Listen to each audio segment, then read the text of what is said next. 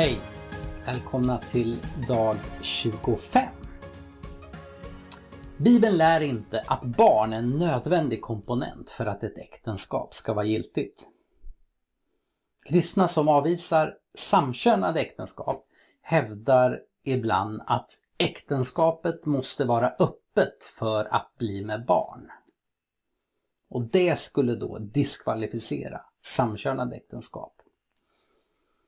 Och att famna gåvan att bli förälder, det är verkligen något som Bibeln talar om och ger ett stort värde. Men det är ändå viktigt att vi uppmärksammar det faktum att Bibeln aldrig lär att barn är en nödvändig komponent för att ett äktenskap ska vara giltigt. I Gamla Testamentet så gav Gud mänskligheten uppgiften att vara fruktbar och mångfaldigas. Och det är verkligen sant att under det gamla förbundet så har barnafödandet en central funktion. Den får funktionen att fylla behovet av att bygga upp Guds folk. Men även inom ramen för det gamla förbundet så finns det ingenting som tyder på att infertila, alltså äktenskap utan barn, skulle vara ogiltiga. Äktenskapet mellan Abraham och Sara i Första Mosebok och äktenskapen mellan Elkana och Hanna i Första Samuelsboken de betraktas båda som giltiga även under de långa år innan de fick barn. Och sen när vi flyttar oss från gamla förbundet till nya förbundet så är det tydligt att funktionen med biologiska barn i förbundet får en ny roll. Genom Jesu liv och död och uppståndelse så förändras vad det är för oss människor att bli en del av Guds folk. Alla människor kan nu bli en del av Guds familj helt enkelt genom att tro på Kristus istället för att få sin tillhörighet genom en biologisk födsel. Det är i det här sammanhanget som Jesus eh, talar med Nikodemus om att vi måste bli födda på nytt i Johannes 3. Så biologisk födsel krävs inte längre Endast tro gav tillhörighet.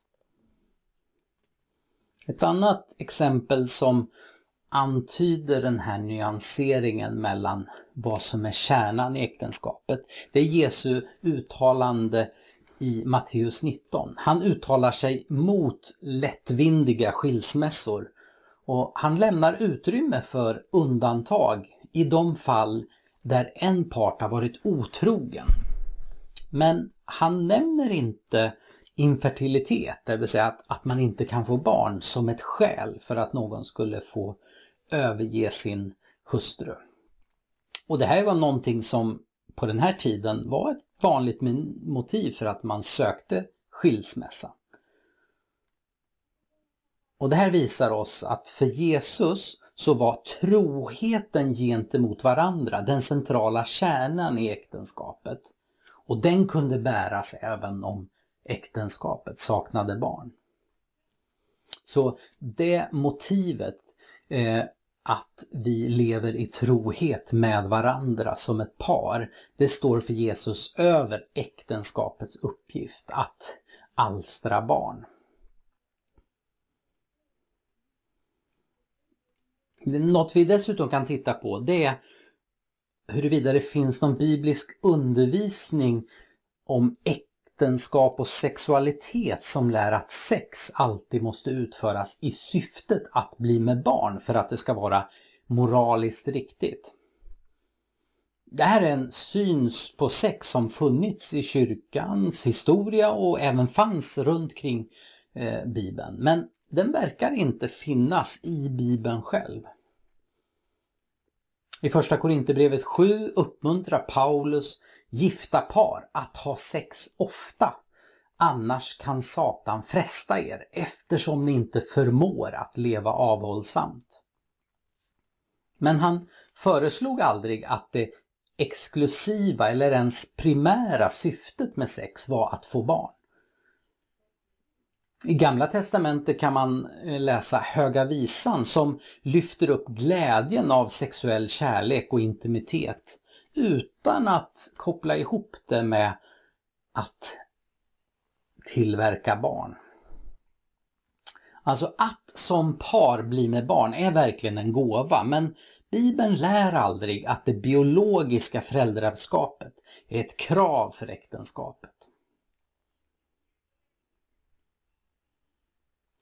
När vi nu tittar på just detta med om äktenskapets uppgift att få barn eh, är nödvändig så kan man också reflektera över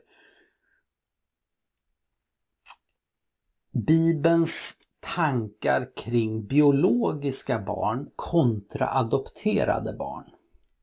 Och jag kan inte se att Bibeln gör någon större skillnad på värderingen av biologiska barn och adopterade barn. Exempelvis kan man se hur Paulus använder sin teologi om eh, när han beskriver Guds folk och vår tillhörighet som hedningar till Guds folk. Gud adopterar oss hedningar till att bli en del av Guds folk och ges söners rätt att ta del av arvet och ropa Abba fader. Och det här beskrivs inte som en sämre eller en svagare form av barnaskap eller släktskap. Jag tänker att vi idag tydligt kan se regnbågsfamiljer som med stor kärlek kan fullfölja samma uppgift av föräldraskap och förvaltarskap av kommande generationer som heterosexuella äktenskap och familjer. Adopterade barn, biologiska barn eller överhuvudtaget äktenskapet utan barn verkar inte i Bibeln kunna vara de avgörande funktionerna för att definiera vad det innebär att vara släkt och familj. Det var min tanke idag. Vi ses imorgon.